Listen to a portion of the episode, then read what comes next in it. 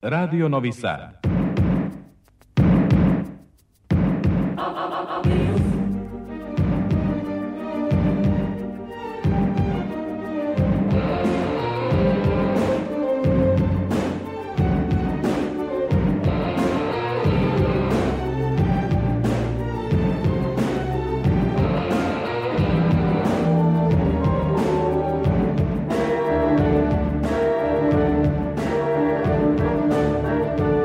Spektar.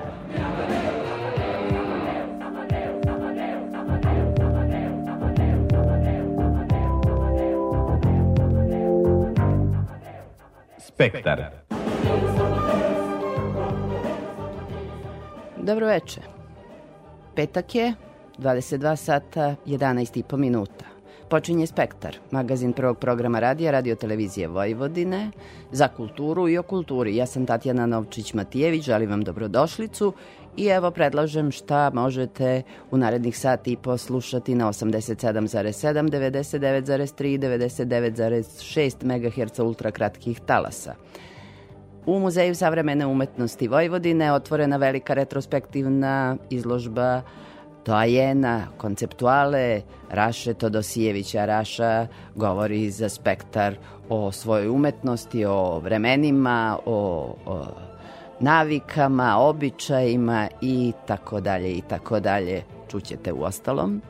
Za spektar govori i slikarka Bosiljka Zirojević. Njeni novi radovi izloženi su u Platoneumu, ogranku Srpske akademije nauka i umetnosti u Novom Sadu. Za spektar govori reditelj Aleksandar Popovski, ali ne o nekoj svojoj novoj predstavi, već kao selektor infanta internacionalnog festivala alternativnog i novog teatra koji počinje sutra uveče u Srpskom narodnom pozorištu ni manje ni više nego predstavom gospođica Julija čuvenog velikog burg teatra. I to nije sve, dakle do 20 do 12 budite sa nama, ako baš e, u ovo kišno doba imate e, nešto važnije nego što je spektar. Samo da vas podsjetim da će spektar biti na odloženom emitovanju od nedelje na sajtu Radio Televizije Vojvodine.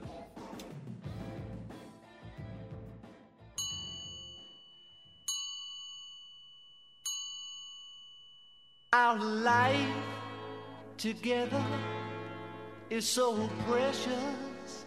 Together we have grown. We have grown. Although our love is still special.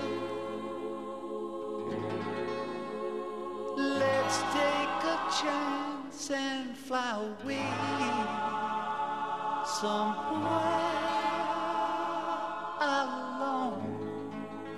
It's been too long since we took the time. No one's to blame. My no time flies so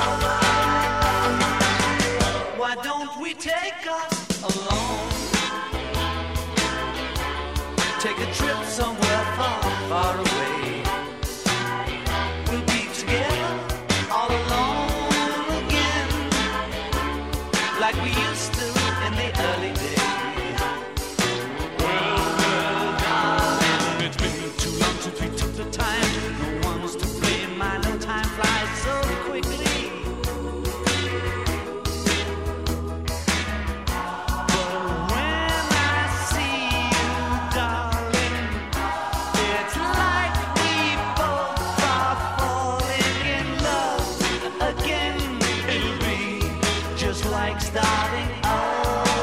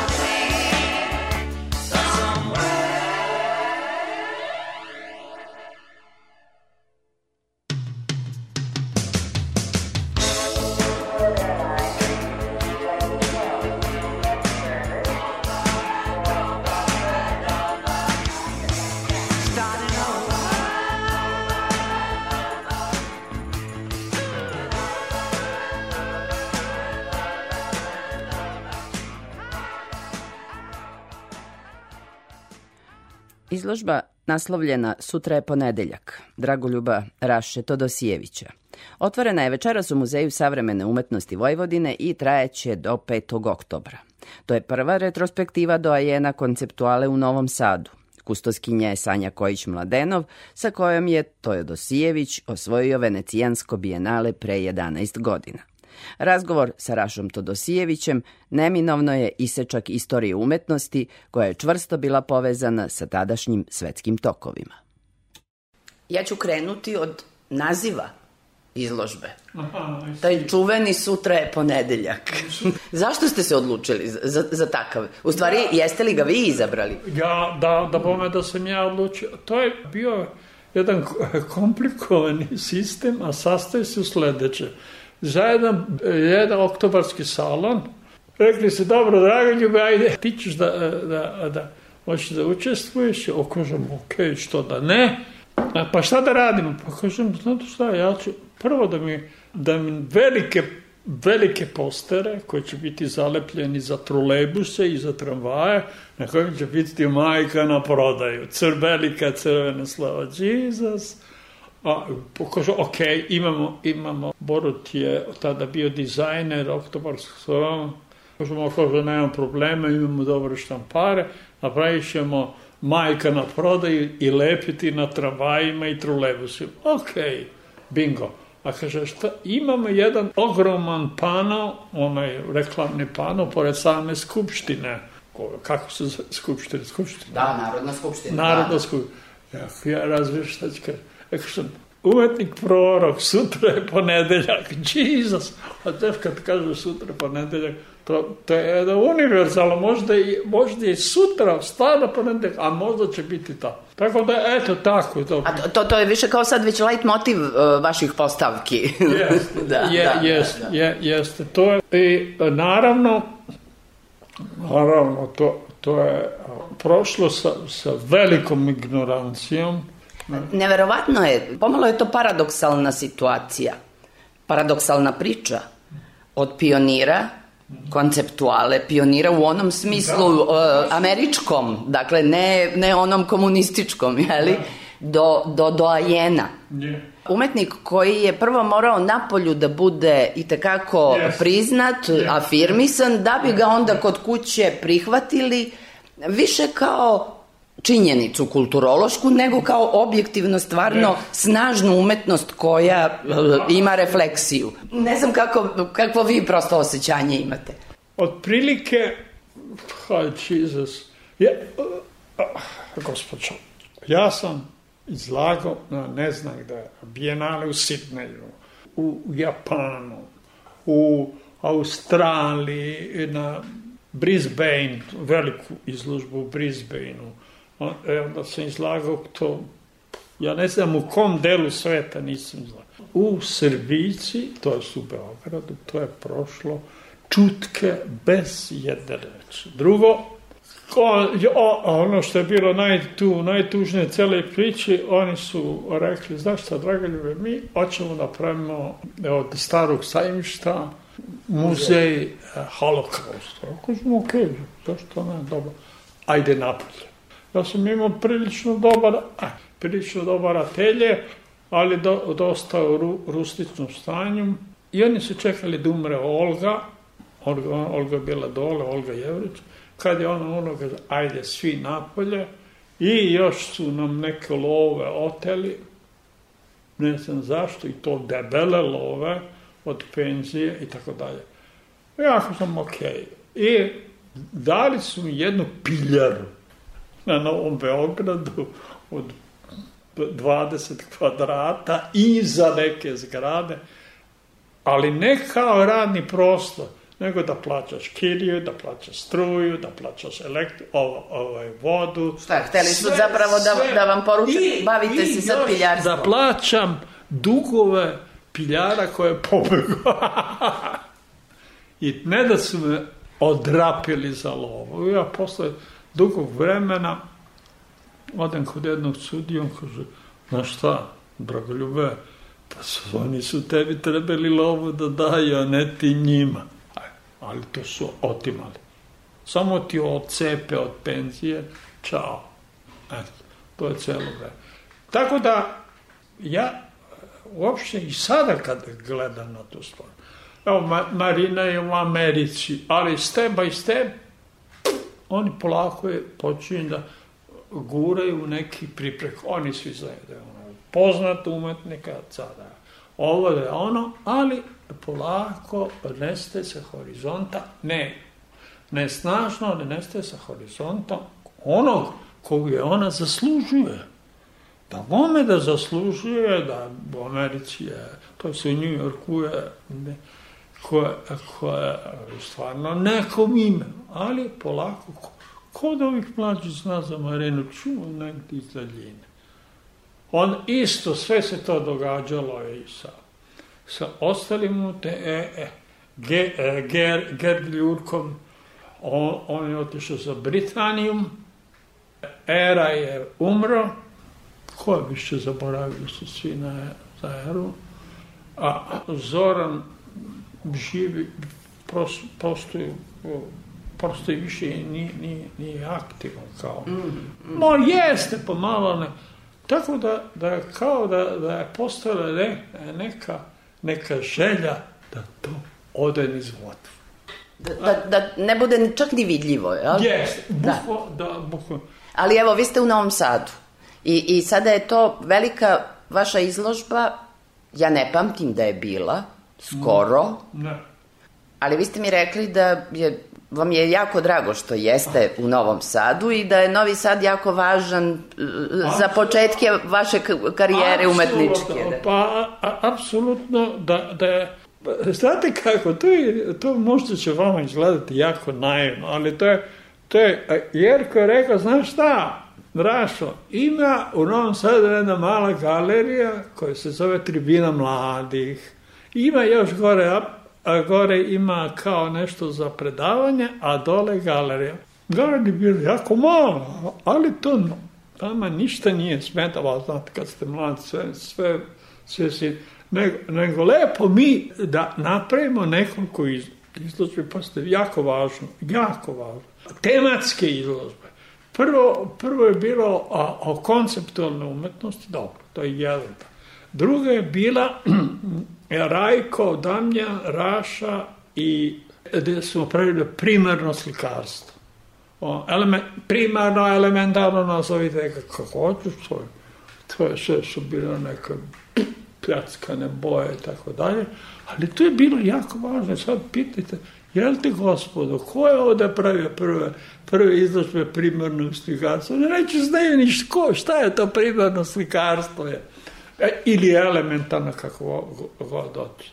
Tako da su te izložbe koje su s nama ma- markirale neke stvari, istodobno bile m, e, izlagane u, u katolički, mi smo zvali ti katolička porta ili, da. ili e, tribina mladi, nazovite vi kako hoćete. Kako. E, eto, to je bilo važno i plus da ti su ljudi koji su držali tribinu mladi i ovo izdali taj časopis, eh, jedan od brojeva polja, koja je po, bio potpuno posvećen tekstovima o konceptualnom. To je stranih autora, Amerikanaca, Francuza, Britanaca i tako dalje, i tako dalje, i tako dalje. Tako da i nama, meni, meni lično je bilo a, važno da ja imam Da, da, da, taj, taj teorijski osnove, ali... Jeste, a, a drugo, i ja i Marinela smo prevo, prevodili, prevodili smo Reinharda, prevodili smo Rauschenberga, nešto, ma, ma, ma, ma, mada Rauschenberg bio nešto po strani. Raj, je bio velik, 12 pravila za novu akademiju, ja se sećam, jo Bože dragi. I šta je sad od tih 12 pravila koje vam je Reinhard ponudio, koliko su oni vama bili intrigantni? Da ih proveravate u, u umetničkoj praksi? Ah, pa, pa, Recimo, s obzirom na to da su to ipak vaši Stvar početci. Ma, malo, ma, ma, malo komplikovanija. Reinhard, za razliku od Poloka, još drugih abstraktnih ekspresionista, on je bio a, skroz minimalista. Posle se pojavila a, još drugih, drugih imena, sa jedne strane. Sa druge strane, preko, opet ja se vraćam na Jerha, Jerka Denegrija, on je imao veze sa italijanskim umetnicima. A, Jesus Christ, taj je sa Arte Povera. Preko Jerka smo za aprilske susrete pozivali te umetnike da dolaze ovde. Ko je ta? Ko je Bojsa doveo ovde? Ni, nisu ga doveli e, ministar kulture ili neka, neka dandara tog tipa, nego su jednostavno mi, klinci. Jednostavno kažu, hoćete vi, imamo mi ti aprilske susrete, vi kod nas da dođete da držite predavanje i to. Kaže, to je, to je 74. godina, evo kako se seća neki glupi godin. Majke Pa važne su, vidite Pa da su važne. jesu važne, ali kad neko kažeš posle 50 godina, to je bio 74. Ovdje se sme, kaže, ovo je raša budala. I Bojs je apsolutno bez problema doputovao i, i držao ve, veliko predavanje. E, na njegovo predavanje nisu dolazili umetnici, nego ljudi iz filozofije, lingvisti i tako dalje. Tako da taj kontakt sa njegovim radom sad, ovi, ovi lokal, lokalne veličine, kako, tako zvane, apsolutno taj, taj Joseph Boys nije zanimao. Tako da su to, da su to veze preko Nemačke, onda sa nemačkim umetnicima, onda sa, manje sa francuskim umetnicima. To je, I onda je step by step do, počelo je sa velikim kritičarima i velikim muzejima da bude. I tu, onda je Marina otišla za, za, za New York. Ja sam jedno vreme bio prof u San Francisku. Tako da smo se ma, ma, malo raštrkali po svetu. Zapravo ste krenuli da se etablirate po svetu. Jest, jest. Da, da svoj, kao Je. umetnici I koje je onda- prepoznao svet. Da. Onda je, naravno, onda su velika bijenala su nazvali. Vi bijenale u Sidneju, bijenale, ja sad ne mogu da nabaram ta bijenala, to su normalno da ti dođu, kad dođu u Beograd, ajde, idu kod Raše u- u Prahovsku, Prahovsku, Prahovsku se nekad zvala Američka ulica, te gore na Senjaku. I jednostavno da s tim svim velikim bijenalima, bijenale mladih u Parizu, bijenale u, u, u Americi, stvarno ovako Do bijenala u Veneciji. da, da, e, to sa Vernice je bilo skandalozno, skandalozno.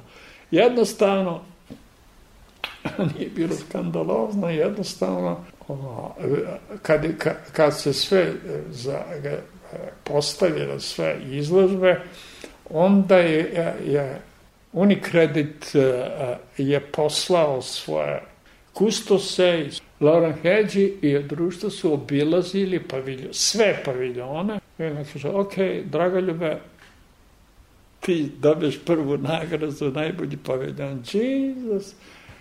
Te kad se ja čuo koliko je taj novac, a ja onako be, bez prebijena kinte, velika lova je bila pitanju. Tako da, Opravdano.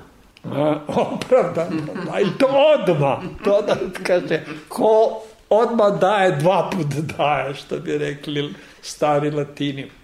Tako da, da, da je to. E, onda je, ok, oni su, Muzej savremene umetnosti mi napravio kako neku malu priredbicu legatu. To je bilo ovako simpatično i tu, tu se ta priča završila, sve se zaboravilo. Gospodžo, apsolutno mene še neko.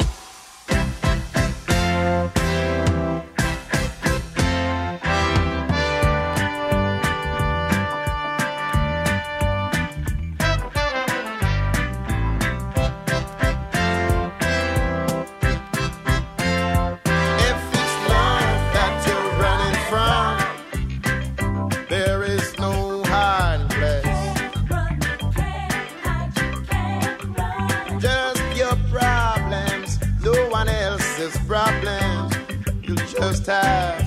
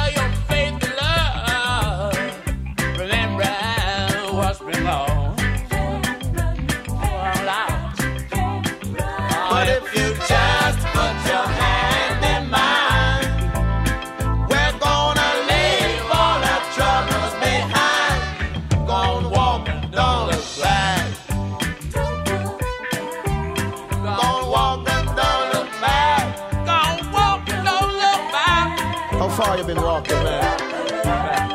100 miles. Just to walk. You still got some more to walk, man. I know, got a long way to go. I'm getting kind of tired, but I got to keep on walking. I'm walking barefoot.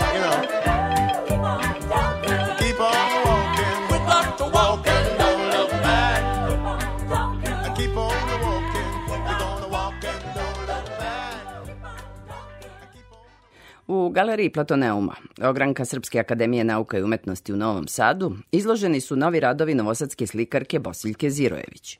I u njima je nastavila da istražuje geometrijsku abstrakciju rađenu u neslikarskim tehnikama, uglavnom u tekstilu. Preciznim minimalističkim rukopisom ispisuje slike u boji. U umetnosti je zaokuplja susret sa novim materijalima i izazov njihovog tehnološkog i umetničkog savladavanja, kaže u razgovoru Bosiljka Zirojević sa Aleksandrom Rajićem. Izložba će se zvati vibrantne forme. Da li to znači da ste napravili neki presek onoga što ste do sada radili ili su sve radovi neka nova istraživanja? uglavnom su nova istraživanja. Ima zapravo prethodni ciklus radova koji se zvao vibrantne meke forme, ajde da kažem da su i ovo isto meke, isto su šivene slike, su tamnije tekstila sa intervencijama uljanog pastela u boji, a sada sam iskoristila zapravo za ovu izložbu ne kažem poliptih radova gde sam koristila industrijski obojeno, e, obojen tekstil, obojenosti koja je intenzivna boja, e, zato jesu vibrantne, znači magenta, naranđasta, ultramarin plava, gde nema potrebe za nekim bojenim intervencijama ili ako je potrebno, bit će minimalno. Pošto sam planirala i set, jedan mali ciklus uh, crteža, koji su ahromatski, korišćene su isto ovaj sistem šivanja, tako da nisu sve meke forme, hajde da kažem, ove, ali t, sam naziv vibrantne zapravo govori o intenzitetu boja koje su korišćene. Sad, da li su nakradno slikano ili ovo industrijski već obojen tekstil, eto, to je u pitanju. Poslednjih e, bar deseta godina bavite se intenzivno materijalom, odnosno tkaninom, razapetom na slikarski ram, arhitekturom koja se dobija kada se ona e, na različite, odnosno na vaš specifičan način tretira, šije i tako dalje. Kako zapravo teče taj proces upoznavanja novog materijala? Da, to mi u stvari zašto radim sa materijalima. U ovom momentu šijem tekstil, ali pre toga je bilo i drugih materijala, aluminijumskih traka, e, terakot praha, plastičnih ploča i tako dalje, je zapravo upravo što je to neka vrsta izazova. Kako ja da rešim taj materijal, da dobijem od njega ono što ja želim, a da njegove specifičnosti zadržim. I ta igra traženja i kreativnosti proces, samom procesu je to što je najdragocenije, tako da zapravo svaka ta izložba ili serija radova je samo presek um, tog stanja, a ono što se dešava u ateljeu, razne te probe i ove, isprobavanja, greške, kako god, nešto čime, čime nisam zadovoljna, zapravo taj najlepši, najkreativniji deo procesa. Ovo je sad neki taj kada mu pronađem svojstva i zaokružim celinu, to je to što se vidi kao rezultat. Tako da zapravo meni je sam taj materijal koji uzmem u ruke izazovan. Ja paralelno radim sa materijalima koji su recimo sintetički, koji se drugačije ponašaju, koji traže neku drugu vrstu intervencije, da li bojom, uljanim pastelom ili grafitom, znači da li da ostaje ahromatski ili u boji, to su sad neke stvari koje ja pronalazim kao najbolji jezik u tom momentu za taj materijal. Tako da ima, ima razlika. To je takozvano prošireno polje slike, polje slikarstva. Vaš atelje je zaista specifičan, nema one zamazanosti, nema boje, nema umrljanosti. Šta se desilo sa bojom umeđu vremenu? Šta se desilo sa vašim uh, osnovnim uh, obrazovanjem i dakle osnovnim pozivom? Ima li tu na vašim radovima još klasične slike i gde je? Da, ima u načinu posmatranja, tretiranju boje u svim tim likovnim elementima, ali e, recimo poslednje negde, hajde kažem, čisto slikarsku u tom tradicionalnom značenju, znači uljane boje na platnu, sam imala recimo pre neki deseta godina u Novom Sadu, baš u Platoneum galeriji, i e, to su uglavnom bili veliki formati gde isto ta svedenost, minimalizam, ali rađen u tradicionalnoj tehnici i to je nešto što i meni dalje izazov. Međutim, očigledno su ovi materijali toliko intrigantni za mene da su me potpuno preokupirali. I evo sad, dosta su to bile i um, ahromatske palete, znači ja sam svesno birala materijale koji su crna, bela, neke nijanse sive i to mi je, um, hajde kažem, odgovaralo dok sam radila. E, evo sad sa ovim obojenim tekstilom i sve što radim, imamo ovde u ateljeu pripremljeno prilično na policama ovaj, e, slikarskog platna koje je pripremljeno za slikanje uljanim bojama i Aha, nije kraj. da, naravno da nije. Znači, samo je tu sad, ja mislim da je tu sad malo i stvar moje preokupacije da ja sad zaokružim recimo neki ciklus. Ja mislim da će sa ovom izložbom to biti zapravo to i da ovaj, ću ja sad da se vratim, evo što ovo čitave rolne slikarskog platna koje stoji i čekaju ovaj, da, da se vratim, ajde kažem i na taj tra... To je nešto što je paralelno ja radim, ali evo recimo posljednjih deseta godina sam malo više preokupirana sa ovima, a to traži neku raščišćenost u ateljeu, jel? Ove. Inače, kad sam radila te slike, sve je bilo zamazano. E sad, geometrija, odnosno geometrijsko komponovanje umetničkog dela i prostora na tom umetničkom delu dvodimenzionalnog, dobijamo naravno i tu treću dimenziju, jeste u osnovi i vašeg rada. E, I to geometrija, ja bih rekla, nekog mondrijanovskog tipa. Dakle, to su jedne čiste, svedene, jasne e, linije koje se prostiru ovako preko celog platna.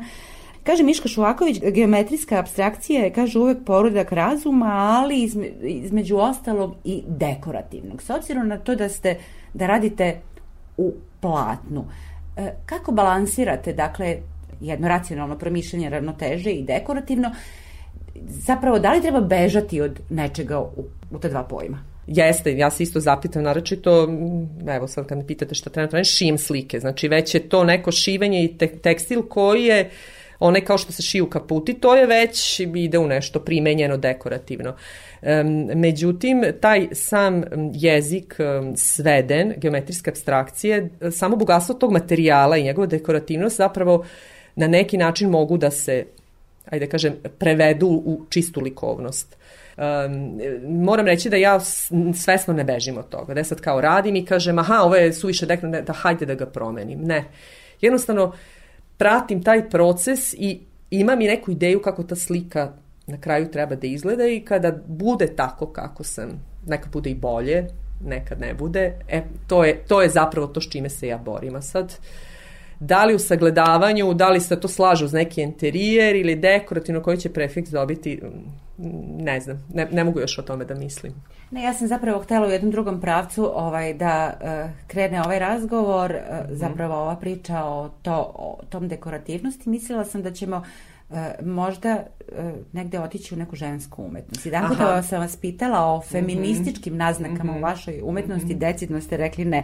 Bez obzira što je, da, što nisam mislila uh, feministička umetnost u smislu angažovosti, nego u smitlu, smislu onoga iskonskog, ono, onoga arijadnjenog, odnosno arijadnjene niti, kao izlaza, kao jednog od mogućih rešenja. Da, nije prvi put da mi se postavlja to pitanje, naročito sad kad je to šivenje, jel? I ja ne bežim od tog ženskog rukopisa ili feminiskinje sam, znači uopšte nemam problem sa tim, jedino što ne radim iz te pozicije. I onda nemam problem da se to sagledava tako, tumači, da se svrstava, čak evo sad smo imali tu zajedničku izložbu u Belartu um, sa naglašenim možda ženskim autorima, ženskim pismom, hajde da kažem, znači uop, uopšte mi to ne smeta, Mm, u redu je, ja čim uzmem da šijem, to je čita se kao žensko pismo i ovaj, meni je, ja sam samo zapravo iskoristila što znam nešto da uradim zanatski, primenjeno, da ga prevedem u likovno. Kao što znam da izgletujem ili da nešto premažem. Znači, stvarno te kao zanatske ovaj, ili bilo koja vrsta slikarskog zanata, sve dolazi u obzir ovaj, da tehnološki ispratim. Tako ja ovo šivanje posmatram kao neku vrstu tehnologije ili alata. To je u mom slučaju alat. I on jeste blizak ženskom pismu. Potpuno mi je razumljivo zašto je. To može sad da se svrsta recimo u žensko. E sad kad smo već kod tih e, simbola, možda samo jedna mala digresija, da li ima simbolike i kakva je simbolika vidljivih šavova kao nekih mogućih tački pucanja, mm. prenapregnutosti ili e, spojeva? O, dobro, sviđa mi se. E, da, nisam razmišljala o tome, oni su meni, eto kažem, alat i način rada, ali zapravo... Da postignete pikturalnost. Da, zapravo. jer to je nešto, taj šav izlazi u tu treću dimenziju. Neki materijali um, ostaju u dve dimenzije, hajde da kažem, kao glatka površina, taj šav se ne vidi, a na nekim je, su oni izbačeni i ulaze e, do, daju tu treću dimenziju i jako puno isto zavisi, to se vidi u galeriji kad se svetla nameštaju, onda te senke koje se ba, dobijaju od šavova, to je isto ovaj, još jedan um, ajde kažem, način sagledavanja i pristupa. Mislim, oko kad gledam sad naknadno simboliku, to naravno da ima, ali forma jeste taj materijal sa kojim radim, ja njega nategnem na ram i zapravo e, krajnju kompoziciju, kako sam zamisli- zamislila, dobijam kada nategnem na ram. Tu konstrukciju ne mogu da vidim dok radim, tek na kraju kad je nategnem i zategnem, ja dobijem tu sliku. Tad je prvi put vidim zapravo.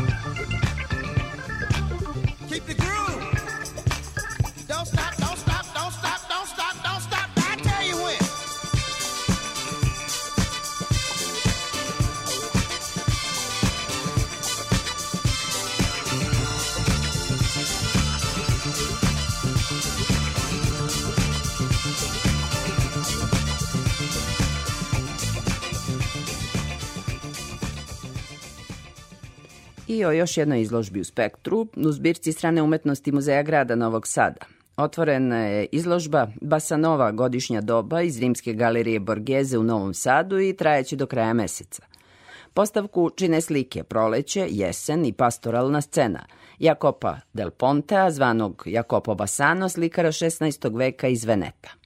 Predstavljeno je i delo Hristu u kući Levijevih iz radionice porodice Basano, koje se inače nalazi u muzeju grada Novog Sada. Ta izložba logičan je nastavak saradnji Italijanskog instituta u Beogradu i muzeja u Novom Sadu, kaže direktorka muzeja Vesna Ivković. Biti domaćin ovako vredne veličanstvene izložbe koje dolazi iz jedne od najprestižnijih svetskih galerije, kolekcija Galerije Borgeze, zaista je poseban događaj za naš muzej. Ali ne samo za naš muzej, nego i za čitav grad Novi Sad. U ovom isto prostoru bili smo u prilici da ugostimo izložbu Roma Eterna, koju su činila remek dela rimskog vajarstva iz fondacije Dino Ernesto Santarelli. I e, kao i danas, zahvaljujući uspostavljenoj institucionoj saradnji između Muzeja grada Novog Sada i Italijanskog instituta za kulturu, nakon fantastične posjećenosti velikog odjeka u javnosti, reakcije publike na pomenutoj izložbi, bio je jasan pravac naše dalje saradnje. Kolekcija Borgeze prepoznata je kao naš sledeći partner – Izborom tri remek dela Jakoba Basana i njihovim izlaganjem, prostor zbirke strane umetnosti u Novom Sadu će narednih mesec dana i više odisati duhom velikih italijanskih majstora čije se platne čuvaju u galeriji Borgese autentičnom doživljaju Basanovih slika u našem prostoru, zasigurno će doprineti i činjenica da je na spratu ovog našeg zdanja smeštena najznačajnija, da su smeštena najznačajnija dela italijanskih i drugih evropskih majstora Basanove epohe. Veliki kolekcionar, lekar, izvesno vreme i gradonačelnik Novog Sada, dr. Branko Ilić zaveštao je ovu vrednu umetničku kolekciju u svom gradu, sa idejom upoznavanja domaće publike sa visokim dometima evropske i svetske umetnosti. Danas je to jedan od ciljeva naših muzeja, koje realizujemo upravo kroz saradnju i prijateljske odnose sa ustanovama kakav je Italijanski institut za kulturu u Beogradu.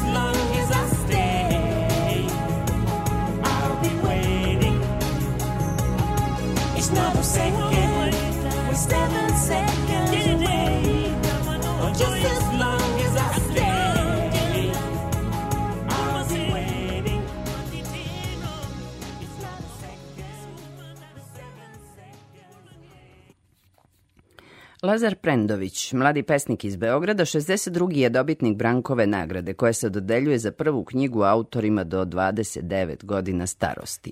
Njegovu zbirku Smeh iz tame u izdanju Enklave, žiri Društva književnika Vojvodine proglasio je najboljom u prošlogodišnjoj produkciji.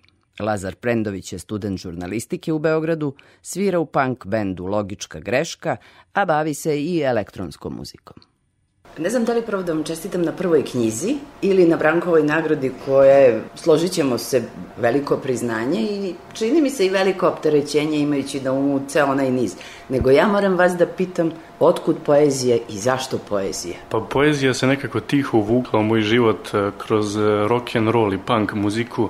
E, Zapravo je prvo se ispoljilo kroz blues kada sam pisao o svom komšiji, o nekim ljubavima ovaj, dečačkim i nekako je tako krenulo, posle sam se povezao sa Zvonkom Karanovićem, otišao sam kod njega na radionicu i on me je nekako usmerio i eto prve zbirke. Smeh iz tame vrlo jaka poruka. Pa da, e, taj smeh iz tame je nekako ta neka svetlost koja se baš vidi na koricama zbirke koja izbija iz e, ove tame u kojoj smo se našli u toj zasićenosti sadržajem sa svih strana.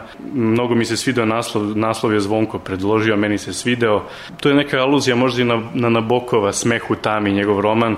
Mnogi čak povezuju sa tim, to je prvo što padne na pamet, ali u suštini nema nikakve veze sa tim, ovo je ipak naslov za sebe i priča za sebe. Iznutra. Prosto je izašao iz, iz, Da. iz knjige. Da.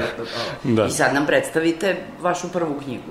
Koliko pesama ima, kako su, su nastajale, Mhm. čime se bavite, šta vas preokupira, vi ste mlada osoba, još student i lepo je videti da već imate rezultat tog svog napora intelektualnog, emotivnog, kako god.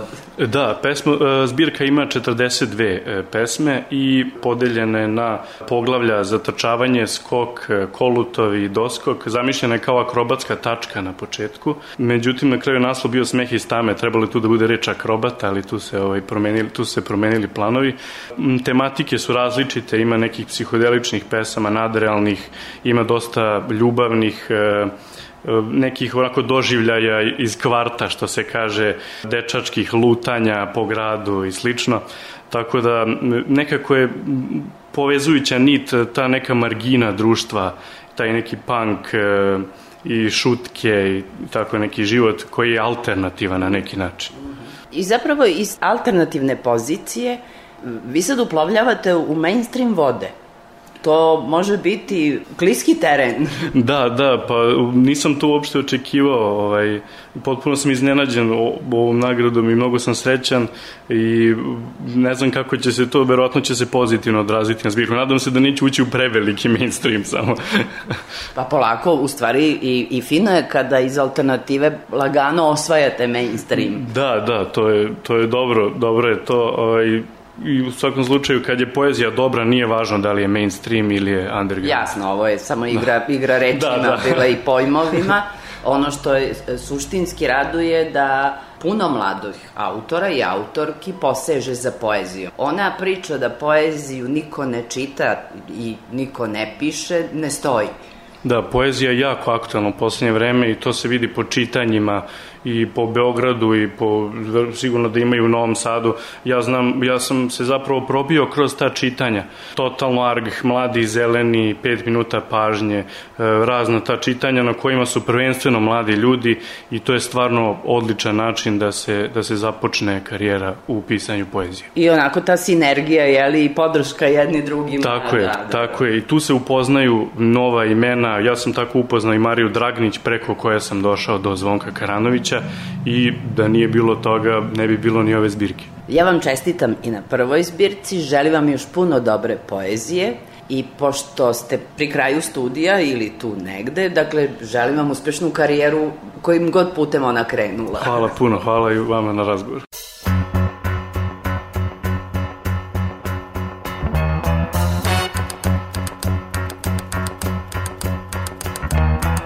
Out of bed and I stumble to the kitchen. Pour myself a cup of ambition and yawn and stretch and try to come to life.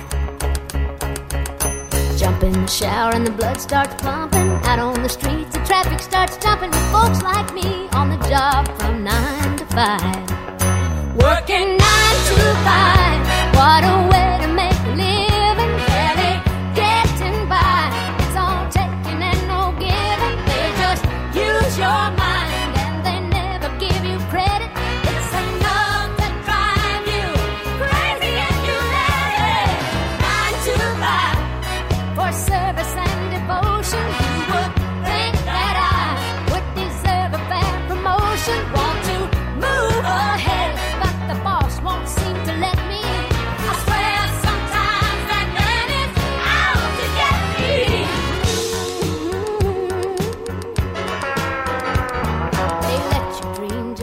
to shatter. You're just a step on the boss man's ladder, but you got dreams he'll never take away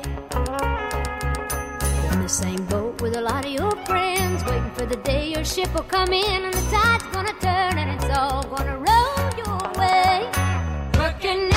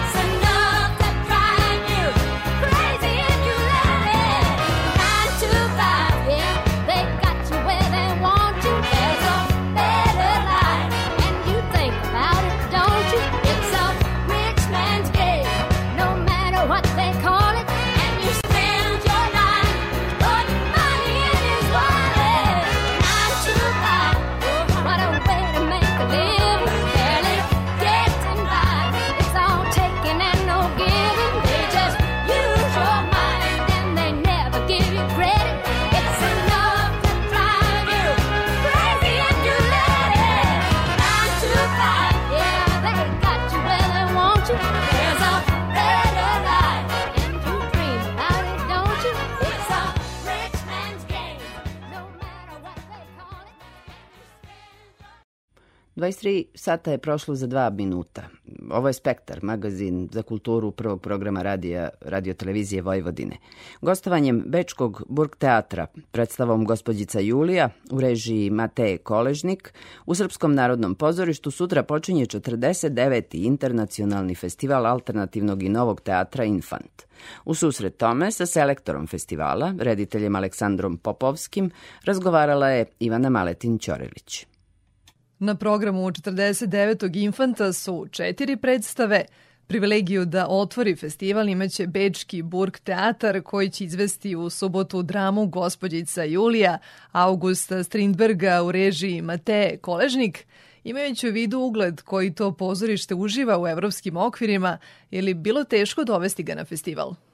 Mislim da je jedno od većih poduhvata koje je Infant izveo, a, a to može posvedočiti i direktorica festivala Tijana Delić, sama organizacija uh, Burg teatra. To je stvarno kao, kao da smo Stonesi donali na koncert. A jednostavno oni imaju jedan drugačiji sistem, nisu toliko pokretljivi u smislu da lakše je kad si u Beču, onda svet dođe kod tebe. Ti ne moraš da da odeš po svetu, razliku od nas da se prezentiramo. Tako da ne, nemaju tu naviku.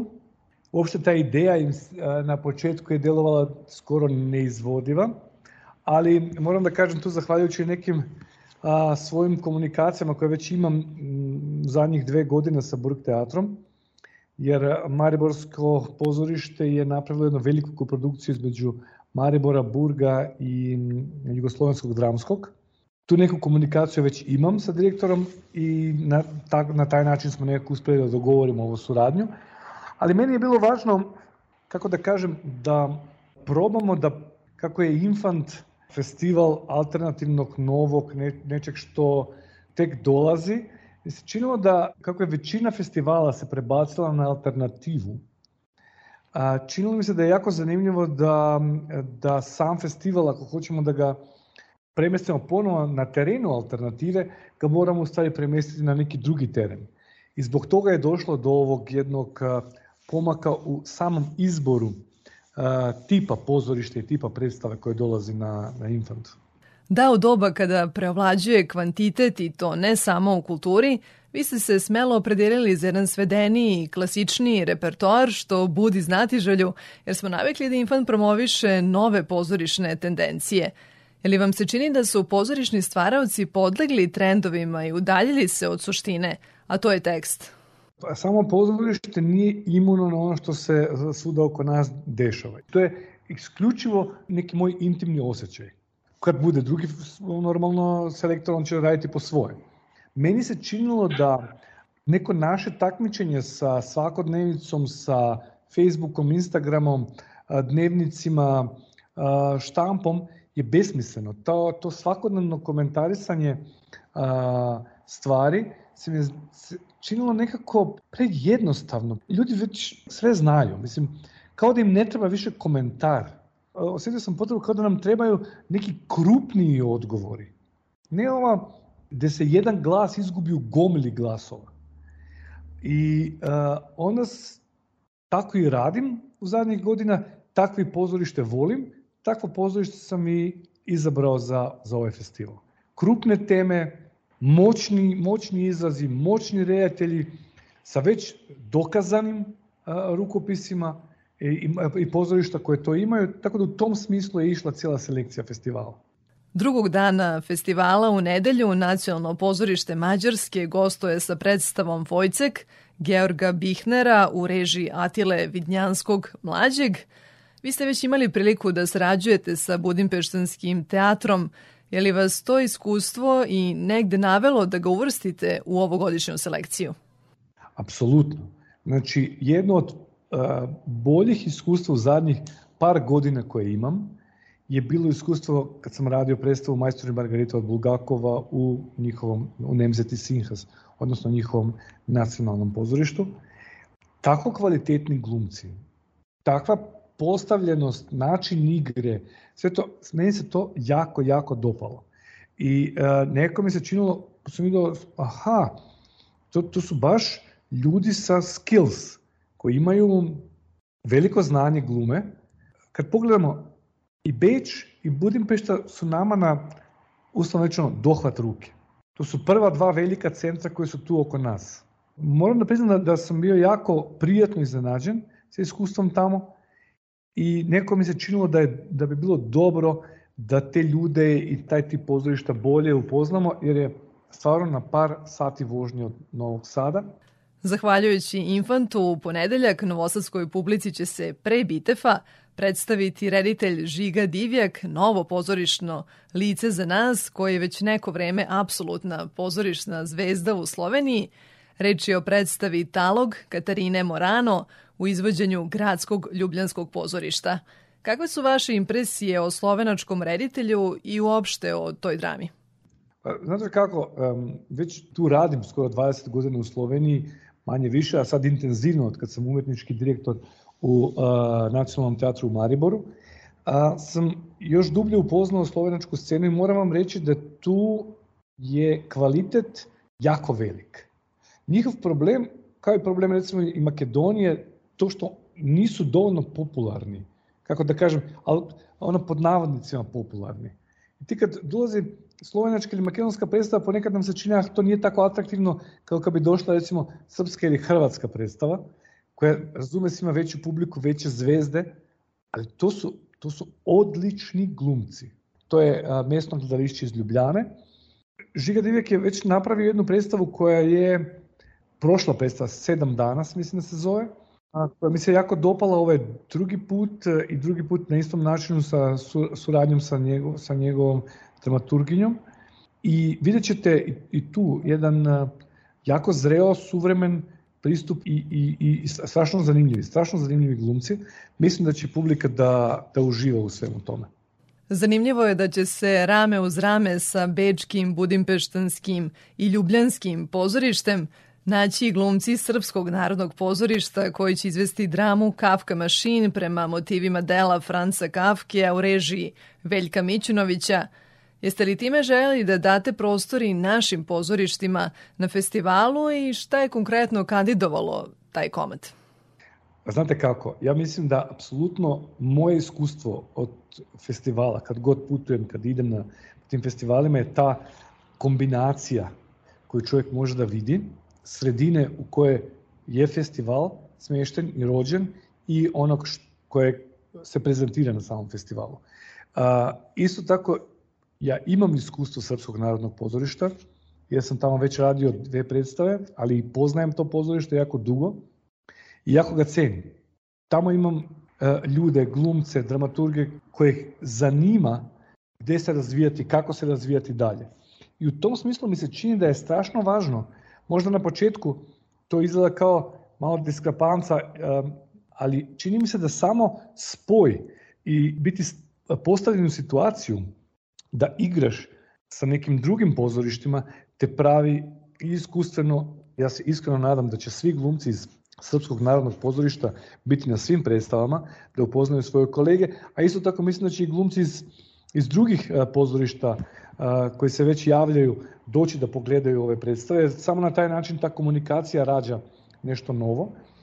Ja sam pogledao nekoliko predstava koji su bili u izboru, ali ovde mi se čini da je, da je odličan spoj a, rediteljskog koncepta i način glume i moja ideja je, ukoliko a, se ovo nastavi, ta, ta, ta moja pozicija tamo, da, da nastavim na taj način, da promovišem jednu predstavu domaćih autora, odnosno iz Novog Sada, Po svemu sudeći, 49. izdanje Infanta donosi jedan zaokret u programskoj politici festivala. Koji su dalji koraci i kako vidite budućnost Infanta? Opet kažem, sad sve zavisi kako će se stvari e, odvijati dalje.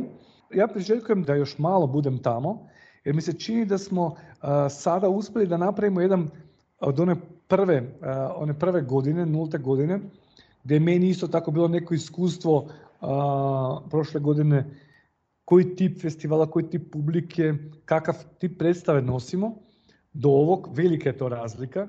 Ja bih nastavio u ovom pravcu, Znači, ja bih apsolutno probao za sledeću da damo sebi zadatak da još moćnije, još snažnije autore donesemo na taj festival i da nastavimo tu kombinaciju tog domaćeg materijala, uključujući i ovo što je sad kao neka prva proba tog javnog čitanja jednog teksta Dejana Dukovskog koji je sad nastao o posljednjem balkanskom vampiru, da proširim na, na nešto što je svih 4-5 dana ili koliko, bo, koliko će tih dana da bude festival, koliko će da traje, te domaće drame, koje mislim da je srce svakog dobrog pozorišta je, je dobar dramski tekst i volio bih da promovišem što više moguće domaćih autora, u stvari da ta neka kombinacija i da ljudi koji dođu ostanu tu, da ne odu sledeći dan.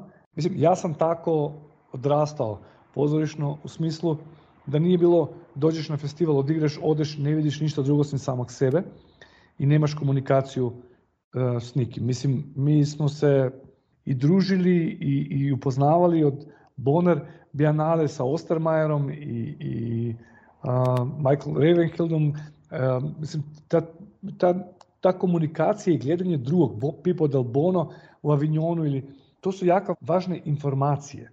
Jer mi u pozorištu, mi smo kao neki slonovi, mi, mi prenosimo informaciju tako što dodirujemo glave. To nije samo pročitaš ili film pa pogledaš pa vidiš. Mi, mi se moramo sresti, mi se moramo dodirnuti. Za kraj da se samo za trenutak distanciramo od te uloge selektora i da nam kažete šta je trenutno u vašem umetničkom fokusu. Mene čekaju sad jako zanimljivi projekti za sledeću sezonu. Počinjem sa projektom Tesla, to je moderna opera, nastala po libretu eh, jednog slovenačkog pisca eh, Nejca Gazvode. Posle toga me čeka u Budimpešti u nacionalnom rad na Don Juanu, Molijerovom. Posle toga se nadam da će sve biti kako treba i da nastavljamo rad točno na tom tekstu o posljednjem balkanskom vampiru u Srpskom narodnom pozorištu i negde ono što sigurno znam je u Istanbulu da radim a, Rat i mir u njihovom gradskom pozorištu. To je za sada ovako za ovu sledeću godinu.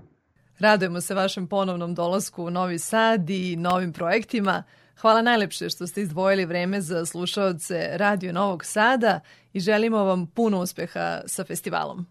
Hvala vama, hvala što ste me pozvali i stvarno se radujem i mislim da će novosadska publika da uživa u svemu ovome što ih čeka. Reditelj Aleksandar Popovski, selektor 49. internacionalnog festivala alternativnog i novog teatra Infanta, koji će biti održan od subote do utorka u Srpskom narodnom pozorištu, bio je gost našeg programa.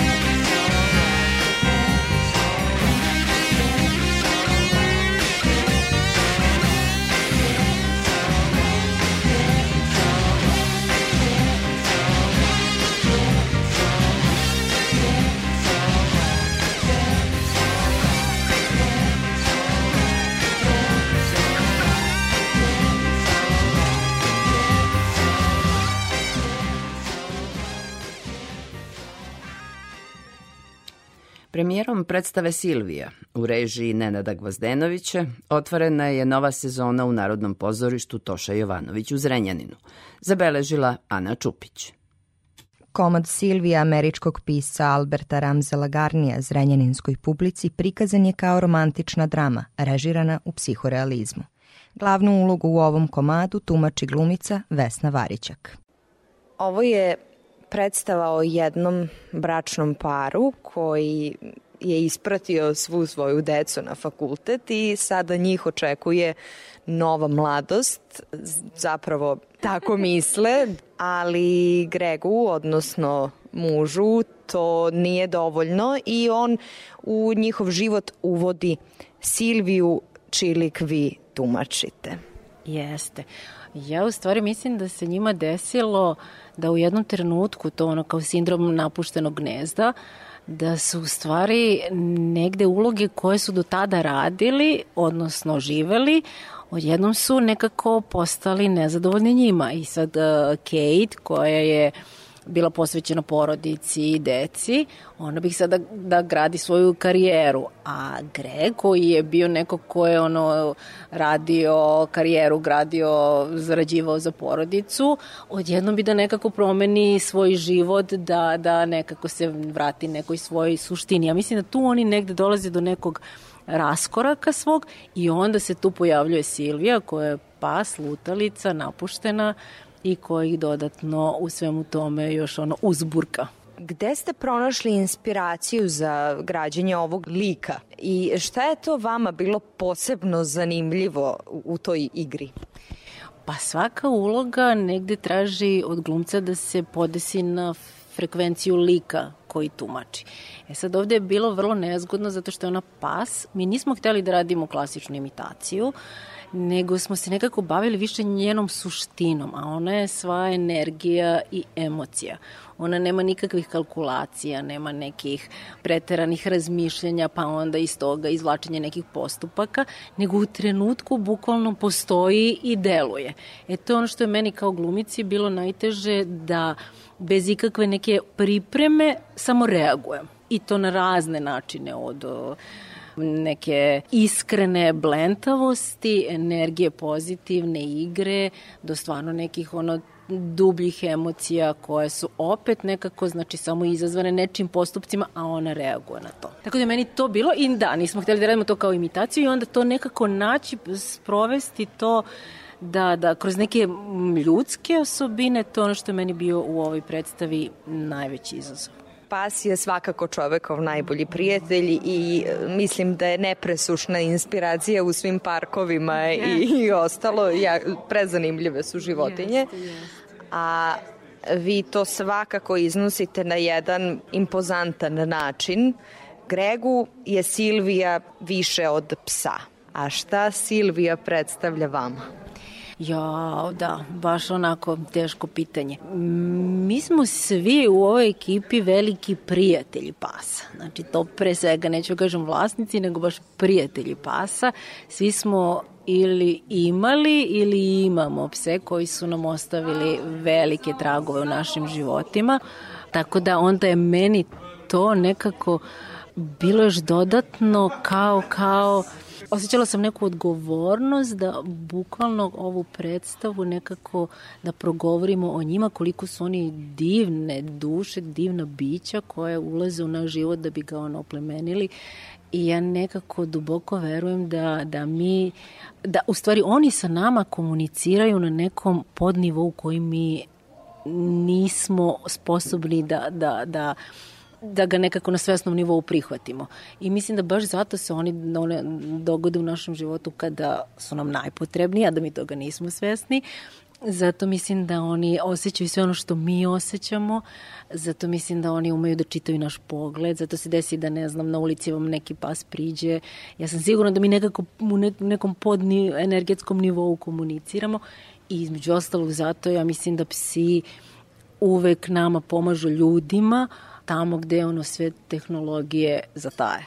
Mislim i na, na, na lečenje, predosećenje raznih bolesti i na pronalaženje raznih opasnosti i na mnoge, mnoge situacije. Tako da ja stvarno verujem da, da ta neka njihova ljubav prema nama je nešto što naš život mnogo... E, mi kao ljudi ono smo nekako skloni da sve što nije vidljivo i opipljivo pocenimo a u stvari ja mislim da je to mnogo vredno u životu i da oni to, tome nas uče, a onda je meni kao glumici to nekako bio posebno, nekako ja sam imala potrebu da, da onako baš za njih to nekako progovorim.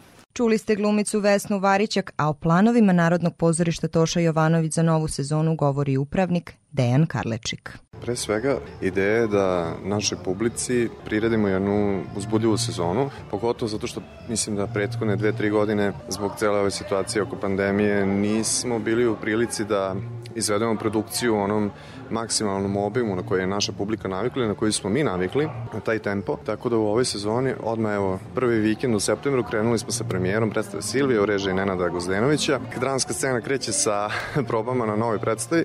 U pitanju je predstava Uhodani đavo u režiji Nikole Zavišića i to je koprodukcija sa Sterinim pozorjem, tako da tu nam je ideja bila da napravimo povezanost u konekciju sa jednom bitnom ustanovom u, u ovoj zemlji koja održava jedan vel, najveći, da kažem, pozorišni festival u regionu i naravno želja je negde da, da sa tom predstavom, ako nas selektor uzme, dođe, da se pojavimo na Sterinom pozorju posle nekih 14 godina nepojavljivanja na tom prestižnom festivalu. Prvog premijera je planirana za 15. oktobar, kada je ujedno i dan pozorišta, a 1. oktobra Lutkarska scena počinje rad na predstavi Prade Vojčica u režiji Sonje Petrović. Radimo dramatizaciju romana Desanke Maksimović Prade Vojčica, dramatizaciji Mine Petrić. Zatim, nakon toga, Lutkarska scena priprema novogodišnju predstavu i počinje posle nove godine rad na predstavi sa Draganom Miloševskom a dramska scena će do nove godine izvesti još jednu premijeru na kamernoj sceni Bračne igre u režiji Davida Alića. Zatim u drugom delu sezone nas na dramskoj sceni očekuje autorski projekat sa rediteljem Borisom Liješevićem koji je ovde u ovom pozorištu napravio možda jednu od značajnijih predstava ovaj, našeg teatra. I za kraj sezone pripremamo takođe premijeru na dramskoj sceni u režiji Milana Neškovića. Još uvijek smo sa rediteljem u pregovorima oko teksta, pošto takvog reditelja mislim treba iskoristiti da što veći deo ansambla radi sa njim, zato što je predvodnik neke nove generacije, nekog novih čitanja savremenih ovaj, komada. A na Lutkarskoj sceni očekujemo još jednu premijeru to smo i dalje u pregovorima, tako da ne bih mogao puno još da kažem o tome. Naravno, čekaju nas sad festivali, Lutkarska scena ide u septembru u Mostaru i u Sarajevo sa predstavom Dečak i mesec, zatim naša dramska predstava Dečko iz poslednje klupe u novembru gostuje na festivalu proizvedenih drama u Aleksincu.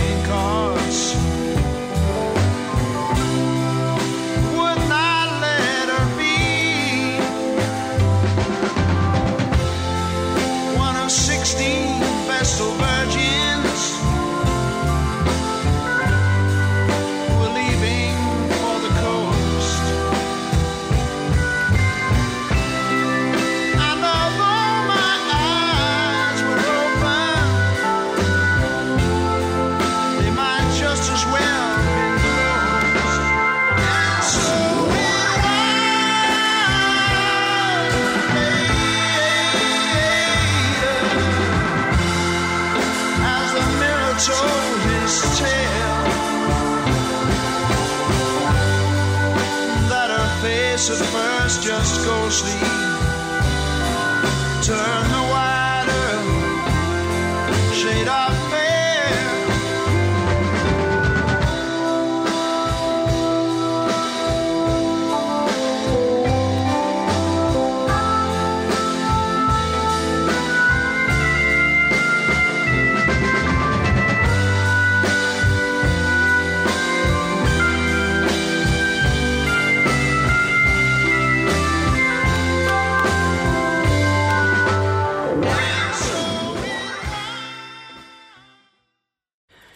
Za kraj spektra jedna priča signifikantna iz više uglova. U Novom Sadu završena je prva nedelja kaleidoskopa kulture, ona posvećena arhitekturi. Jedan od centralnih događaja bila je trodnevna konferencija legati arhitekture u kreativnom distriktu. Govorilo se o arhitektonskim legatima Evropske prestonice kulture, o rekonstrukciji svilare, obnovi podgrađa, uređenju i prenameni nekadašnje fabrike Petar Drapšin u kreativni distrikt. Jedan od panela bio je posvećen Almaškom kraju. Za spektar govori Violeta Đerković, koordinatorka mreže kulturnih stanica Fondacije i članica Udruženja građana Almašani. Almaški kraj je 2019. godine postao zaštićena ambijentalna celina odlukom vlade Srbije i to je bio jedan dugo sanjani san e, lokalne zajednice i e, stanovnika tog dela grada koji su bili okupljeni oko udruženja Almašani, koje je naslo još 2005. godine kao jedan aktivistički odgovor na ideju da se kroz taj najstariji deo grada probije jedan širok bulevar, čime bi se sve ono što je preostalo od bogate kulturne baštine definitivno nekako i uništilo i nestalo. Međutim, eto, lokalna zajednica to nije dozvolila. To je bio možda prvi korak u nekom razvoju svesti o značaju kulturne baštine tog e, dela grada i pokazalo je kakvu snagu zapravo lokalna zajednica ako se dobro organizuje ili samo organizuje može da proizvede i to ne samo snagu u smislu nekog e, lobističkog uticaja, već snagu inspiracije drugih, jer nama su se vrlo često posle e, tog prvobitnog uspeha sprečavanja izgradnje te saobraćajnice počeli javljati ljudi raznih profila iz raznih delova grada, ne samo Almaškog, sa željom da se priključe, da pomognu, da pitaju kako mogu da pomognu. I taj proces se godinama samo razvijao da bi proglašenjem Novog Sada za Evropsku predstavnicu kulture dobio na novom ubrzanju, jer i mi kao e, jedno malo udruženje i lokalna zajednica, ali i oni koji su vodili projekat Evropska predstavnica kulture smo nekako zajednički shvatili da je ovo sada ta prilika sada ili nikad, da se ono o čemu smo godinama maštali, a među tim snovima bila je i kulturna stanica, danas kulturna stanica Svilara, tada jedna ruinirana, napuštena lokacija u gradu, bivša fabrika Svile, koja je bila izvor opasnosti, da se u stvari pretvori u ono što je danas, zajedno, dakle, saradnjom i sinergijom potpuno različitih aktera kroz jedan dug vremenski period, mi smo do toga došli da bismo danas, e, nakon uvođenja zaštite koja je bila preduslov, došli i do toga da e, razgovaramo o jednom veoma specifičnom i po mnogo čemu posebnom e, projektu potpune urbane rekonstrukcije Almaškog kraja i to ne samo u delu koji se odnosi na estetiku i na sređivanje fasada, već i na infrastrukturno sređivanje tog dela grada u kom učestvuju različiti nivoji donosilaca odluka, ali uvek je tu prisutna i ta lokalna zajednica, jer ako nemate aktivno uključene građane koji žive e, na terenu o kome govorite kada reč o nekim promenama, onda je teško da može biti nekog trajnog uspeha. Predlozi su da se ono što postoji od što je preostalo od materijalne, ali i nematerijalne kulturne baštine tog dela grada zaštiti i istakne kroz razne kulturne projekte, ako govorimo o nematerijalnom materijalnom nasleđu. Ako govorimo o graditeljskom nasleđu, onda je tu reč o obnovi fasada, ali e, naglašavam da u slučaju Almaškog kraja to nekako nikad nije bilo ključno. Uvek je to nematerijalno nasleđe i ono što živi u sećanjima ljudi bilo važnije i inspirativnije za one druge. Ili kulturna stanica Svilara dobar primer revitalizacije industrijskog nasleđa u svrhu kulture? Ja sam tu možda malo subjektivna s obzirom na to da sam deo tog procesa i od trenutka kada je postao vidljiv, dakle otvaranjem, ali i mnogo pre od kada smo o svemu tome samo maštali, e, ali o tome naravno govore i brojke, mnogo je posetilaca, Silara je poznata danas ne samo u Novom Sadu i Vojvodini, već i u čitavoj Srbiji, tako da to je svakako više nego uspešan primer i ona je bila taj katalizator promene, ona je postala nekako nova kuća i za našu malu organizaciju, ali i za sve ljude koji žive u tom delu grada, da se okupe, da razmene ideje, da dođu sa nekim novim idejama, da dobiju mogućnost e, da ih lakše realizuju, tako da e, iz moje perspektive, ali eto rekla bih dopunjeno i nekim objektivnim pokazateljima svakako uspešan primer. I bio je to spektar za ovaj 9. septembar. Laku noć i dobre snove. Želim vam Tatjana Novčić-Matijević. Narednog petka neke nove priče o kulturi i umetnosti na ovim prostorima.